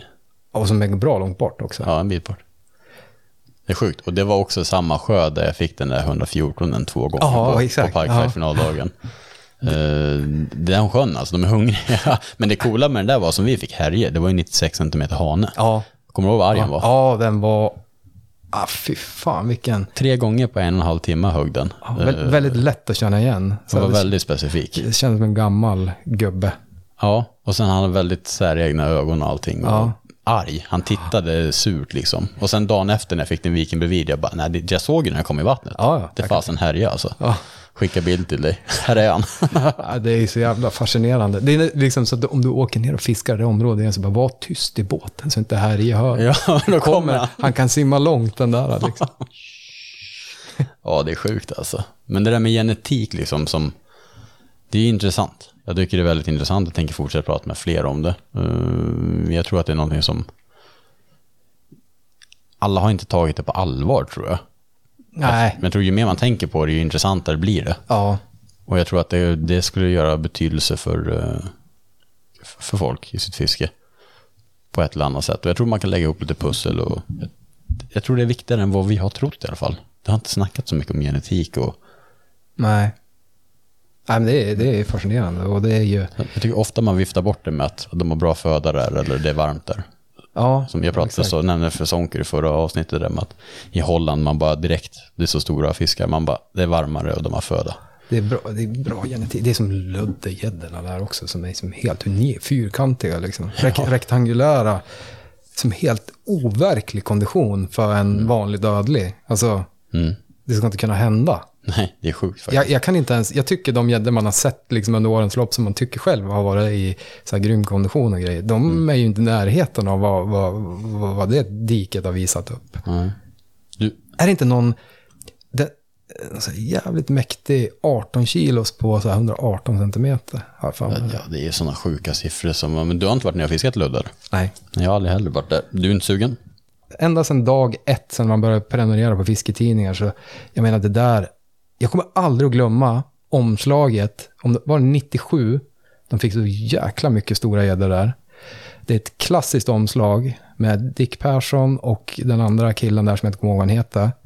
Jag tror att jag kommer ihåg vad gäddorna vägde. Det var 19,9, det var 17 någonting och det var 15 och 9. Tre galtar där på framsidan. Kom hem från skolan, tidningen låg innanför dörren och jag blev stående liksom. Och titta på det där med den där vass bakgrunden där. Och 19 och 9, 17 och 6, 15, ja något sånt där. Ja. Jag tycker, det, jag tycker det är superfascinerande vatten. Mäktiga gäddor, skitfränt allting tycker jag. Men, men, men eh, jag fattar ju också grejen, alltså tidsinsatsen och, och, och, och vad det kräver av, Mm. av fiskarna. Men det hade ändå varit jävligt kul att bara åka ner och titta hur, hur det är. Jag tyckte det var kul bara. Jag fiskade Eriksberg i våras Ja, första gången. ja. Och jag menar, Eriksberg har aldrig varit jättebra efter gäddfeber. Alltså, Nej, nej, nej. Men alltså, det har ju typ aldrig kommit upp 2,10 på samma dag igen. Nej. Efter gästfilmer var det liksom. Och typ inte innan heller. Det var ju en exceptionellt bra helg. Mm. Men bara att vara där, alltså det är en så stor bit av gäddfiskehistoria. Jag tyckte det var så jäkla fränt Ja. att bara vara där och fiska. Det är så här häftigt, jävla, så här fint kvitto på vad som är möjligt. Ja, men där står man i ett vatten. Ja, En men alltså, har det det, har, det, det har ju hänt, det, det där är liksom eh, miraklet, eller vad jag ska säga, det har ju hänt där. Ja, det, Det är så här känns... fränt. Jag kan också jag liksom kan drömma mig bort till en eh, värld där det inte finns människor överhuvudtaget. Kan du tänka dig liksom... Alltså tänk dig att flyga helikopter över jordklotet helt utan människor. Mm. Och liksom försöka känna igen dig. Du flyger över Sverige, tänker vi.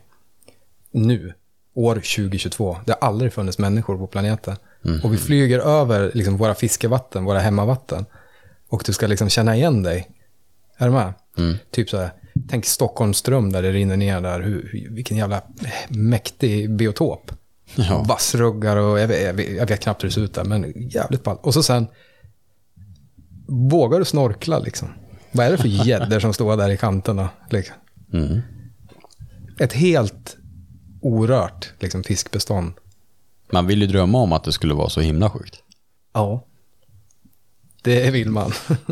Det är ju det som är fränt alltså. Ja, men det, det, är så här, det som jag tycker det är en så mäktig tanke. När jag tänker på, på mitt eh, fiske där ute, när det började där ute i Björkefjärden, där, liksom, så tänker man tillbaka i tiden när, när alla fiskbestånd var intakt. Men Du kan ju bara backa, så här, inte vet jag, hundra år bara kan vi ju backa. Ja. Ett, och, och kunna resa tillbaka i tiden som ett studiebesök och titta hur det var. Fan vad deppig vi skulle vara då när vi kom tillbaks. Men sen går ju saker i cykler. Det går ju, absolut, ja, så är det ju. Till exempel, något som jag tror att vi kommer se framöver. Jag tror att vi kommer se om kanske två år så kommer vi se en situation i Kalmar. Nu tänker jag på distinkta cykler här. Det är ju väldigt bra fiske där nere nu. Mm, Folk får massa fisk på en bit över två kilo. Mm. Jag tror vi kommer se om typ två år, ett år, när det fångas väldigt få stora fiskar. Ja, För den här kullen som är väldigt stark just nu, ja, den årgången som vi har sett gå ifrån typ, för några år sedan så var de så här, det var jättemånga 1800 grammar, sen var det jättemånga 1900 grammare. Sen ett, rätt år boomade det bara när massa folk fick två kilosar. Och sen blev de där förra året blev de ännu större, eller förra, förra typ. Man har sett den här starka kullen växa, växa, växa. Men det Absolut. kommer ju en punkt när de här börjar dö av. ja, Och sen kommer ju nästa cykel komma. Och jag är rädd för att det som kommer bli då är kolla på sportfisket, det är massa folk som fiskar där. Ja, ja, ja. Kolla vet du, de tar skada, det är inga två kilo som fångas längre. Fast Det är ett glapp. Ja, precis. Jo, men absolut. man kommer ju se de här börja dö av snart. Och så kommer det inte komma så mycket sådana. Och då tror jag att det kommer bli lätt att peka på sportfisken och säga att det är deras fel. Ja. Fast ju mer sportfiskare det har varit, ju bättre har fisket bara blivit de sista åren. Just där nere. När jag kom på abborrfisket i de lokalerna där. Men jag tror att vi kommer se att ett bortfall. Så jag tror att den cykeln med starka fiskar kommer liksom att dö ut nu. Sen kommer det komma mer cykler. Men för ett gäng år sedan, norr om eh, Oskarshamn och det, där vet jag, i, kan det ha varit i början på 2000-talet, så kom det upp ganska mycket tvåkilosar abborrar. Det gör det inte, alltså det finns typ inga stora abborrar där nu. Nej. Cykler. Och jag tycker det är intressant, man har sett varje år nu hur snitt, eller de här stora har ökat i storlek i Kalmar. Ett år tror jag de där kommer liksom... Ja, det köper jag rakt av. dött Mm, av. absolut. Av en naturlig orsak. Ja. Men vart toppar det? Liksom? Det är det som ska bli spännande att Ja. se. För vi har aldrig följt en, en abborrkurva på det här sättet Nej. förr. Och det är ju för att det är rätt många som fiskar. Då får vi ju se så himla tydligt den här stammen växa. Man Eh, vill ju tro att det ska liksom kunna komma några hekto till där och att det Ja. ska... Man vill ju tro det ändå. Men Det känns ju eh, som att rekordet är nära att slås liksom. det hade varit fräckt. Ja. Så Det är, fan, jag, det är på tiden. jag hoppas det. Det hade varit eh, riktigt, riktigt coolt. Men i alla fall, det var lite sidospår bara. En, en tanke jag har som jag, som jag tänkt lite på sista tiden. Att, Mm. Lägga sömnlös över det där har du nej, gjort. men jag har tänkt på det en del faktiskt. Att, att eh, vi kommer nog se en sån cykel kanske avslutas framöver. Mm. Mm. Så det får vi se. Jag kanske har tokfel. De kanske blir fem kilo de här abborrarna, men det tror jag faktiskt inte. Peacock Bass. ja, exakt.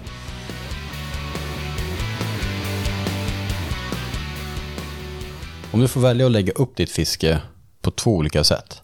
Fiska få platser, eller så här. Fiskar du många platser få gånger eller få platser många gånger på jakten på en stor gädda? Vad är viktigast tycker du? Det, ja, men det beror på vart... Alltså är, det, är jag hemma? Är jag, känner jag till vattnet? En fråga till dig. Okej. Ja, men känner jag till vattnet, då vill jag hälsa på. Jag vill liksom inte nöta, jag vill inte så här dum nöta på fisken. Jag vill ju hälsa på, knacka på dörren, ta en fika och sen gå. Ja. Lämna. Jag vill inte flytta in. Jag vill inte vara där två veckor i sträck eller en, alltså dygnet runt. Jag vill bara kolla om det är någon som vill, vill leka. Jag vill hälsa på kort. Men, men liksom noga. Men jag, men jag tror att den här frågan kanske dubblar lite i... Jag kan tänka mig nästan att det känns som att den går in i ditt drömscenario här. Ja, ja men fast det är samtidigt... Ja, jag ska nog inte tänka för länge, då blir det ett komplicerat svar. Men, men eh, jag vill hälsa, jag vill inte störa för mycket. Så här. Jag vill, jag vill, eh, jag vill liksom kolla om, om det är någon som vill sådär. Om det är någon hemma. Och så är det lite känsla också. Känns det hett, ja men då kan, det ju, då kan man nöta lite. Då kan Ja. man ju bli lite, lite långrandig där kanske Ja. byta beten och vila lite. Byta, lite så. Men, mm. Har du något superstarkt fiskeminne? Massor. här- Ja, men om du säger bara, vad är det första minne som kommer till ditt huvud när jag säger fiskeminne? Oh, det, ja, men det, är, ja, det är jättemycket. Det är, det, man lever ju på de här minnena. Mm. Men vad är det, Det- första du kommer att tänka på? Nej, men, jag har ju ett, he- ett jävligt starkt minne. Jag vet inte om jag har nämnt det här någon gång för dig. Eller någon annan. Jo, för andra har jag gjort det. Men det är så här, det har ju inte att göra med någon stor fångst eller, eller någonting sådär. Utan, men när det begav sig, vi är tillbaka där i, i Skärgårdsviken, Mm. jag och Rickard. Rickard hade en gummibåt, en Zodiac, med en 10 hästars Mercury på, som vi fiskade ifrån. Mm. Och så var vi inne där i en grund, lång vik. Jag vet inte, 17, hur- alltså kan jag ha varit typ 12 år eller någonting. Hade läst på biblioteket om gäddan käft. Eh, som är en jävla mäktig saga. Jag har faktiskt sökt den där på nätet, inte hittat den. Är det så? Ja. Eh, men i alla fall, det var en stor gädda som härjade i, i en sjö där. I, jag minns inte exakt hur det var, men jag, det, var, det var en mäktig saga. Det kan vara härje. Ja, men i alla fall. Och eh, vi var inne där och fiskade i den här grunda viken. Och eh, tänk dig en, eh, liksom en långgrund vass med sådana luckor i. Öppningar i vassen. Pockets. Lite ironi här. Ja, men liksom en grund vik. Och vi är där inne och kastar, jag vet inte, någon sån här, en, en Hilo 20 gram.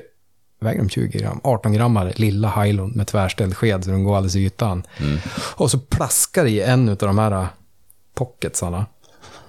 Var det, stod den vid en ambush point? jag har ingen aning. Men i en, i en sån här glugg, en bit bort liksom från så slog det liksom ordentligt i en sån där.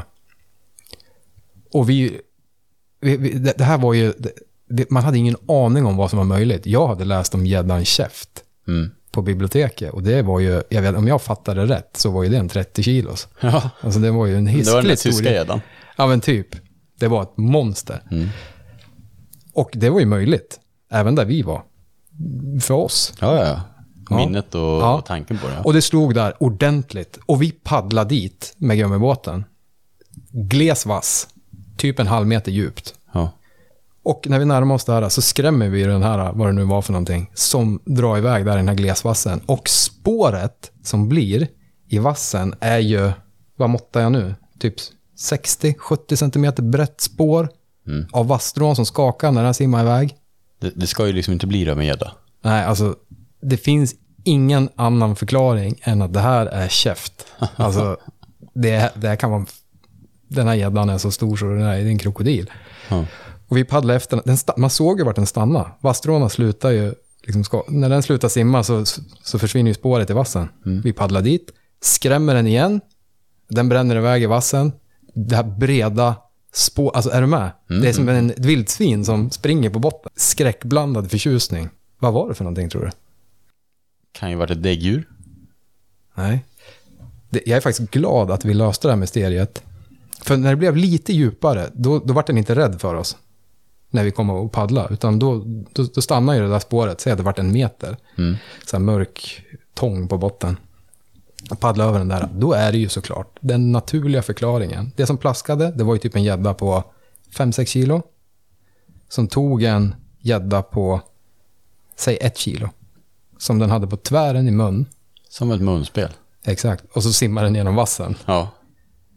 Som en jäkla plog. Som en plogbil. Jaha. Det är så här starkt minne som är ganska mäktigt. Det kan jag tänka mig etsa sig fast. Och just även om, det är också, då, när jag tänker tillbaka på det här, det är så lätt att förstå att den här myten om den här gammelgäddan, det här, det, det, där måste ju vara ett ganska vanlig grej ändå. Det där måste ju hända lite här och där, då och då. Folk får ju syn på såna här grejer. Ja. Och spär på den här myten liksom, om gammelgäddan i, i, i viken här som, Ja, den där gammelgäddan i vassen. ja exakt, som är, den är ju hysteriskt stor. Ja, har man bara sett det och inte sett svaret. Ja, exakt. Och så kanske man, eh, du vet, var på väg hem från dansen. Man skrämde den Exakt. morgonljuset. Ja, ja. Lite full. Ja. Bada inte här. Det finns ingen annan förklaring. Och jag har även tänkt tanken, om vi inte hade sett, fått det här, Mm. om vi inte hade rätt ut det här mysteriet, då hade vi nog länge gått, liksom fiska här inne i den här viken med liksom rädd över, över... Jag undrar hur lång tid det hade tagit innan man hade... Om jag någonsin hade knäckt nöten, jag kanske än idag hade... Det hade varit en lång mörk korridor att gå, eller hur? verkligen. Nej, men det är ett häftigt minne.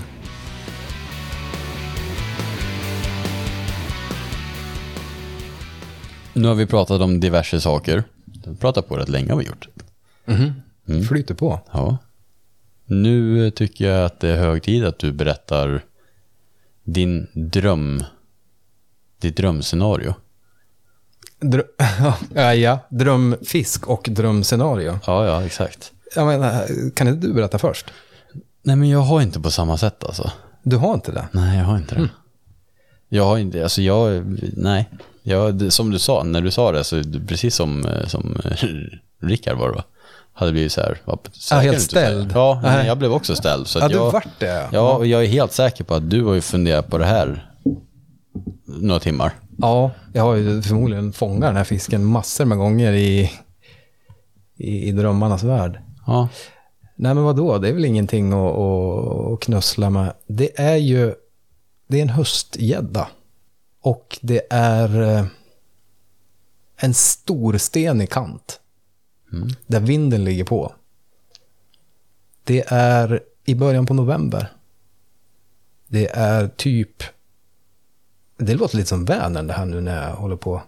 Det är lite 5-6 meter djupt, stora stenblock, djupare vatten utanför. Det är ju inte där. nej, det förstår förstår, jag. att det inte är Vänern du fiskar. Nej. Och så, och så en, en riktigt jävla kulen novemberdag. Där vinden ligger på mot, den- mot den här kanten. Och eh, långsamt, svårt, inom situationstecken, spinnfiske. Ja.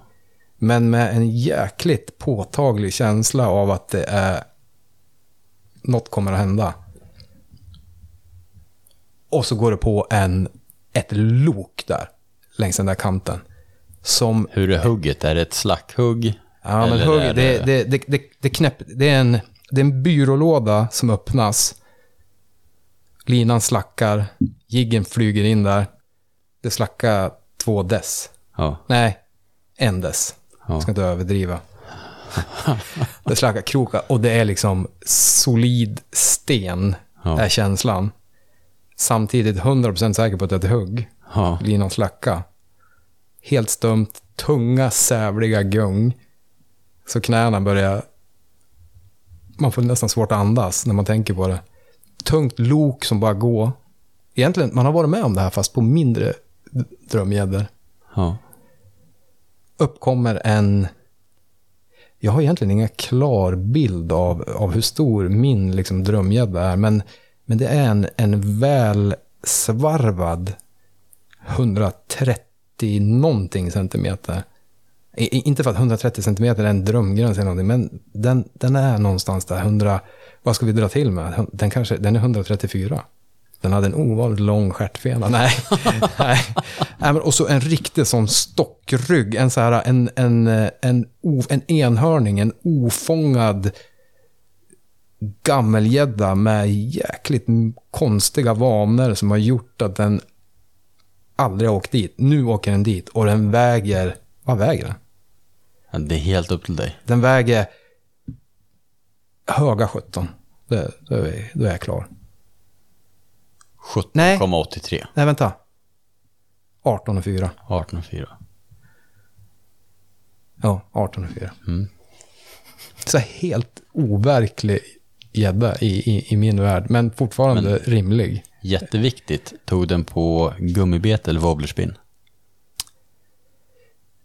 Det är ju mest troligt att den tog på ett gummibete, men jag hade faktiskt, nu när du säger det, så hade jag faktiskt gärna sett att det var en, någon plastbit så här, som jag fick hänga upp på väggen. Mm.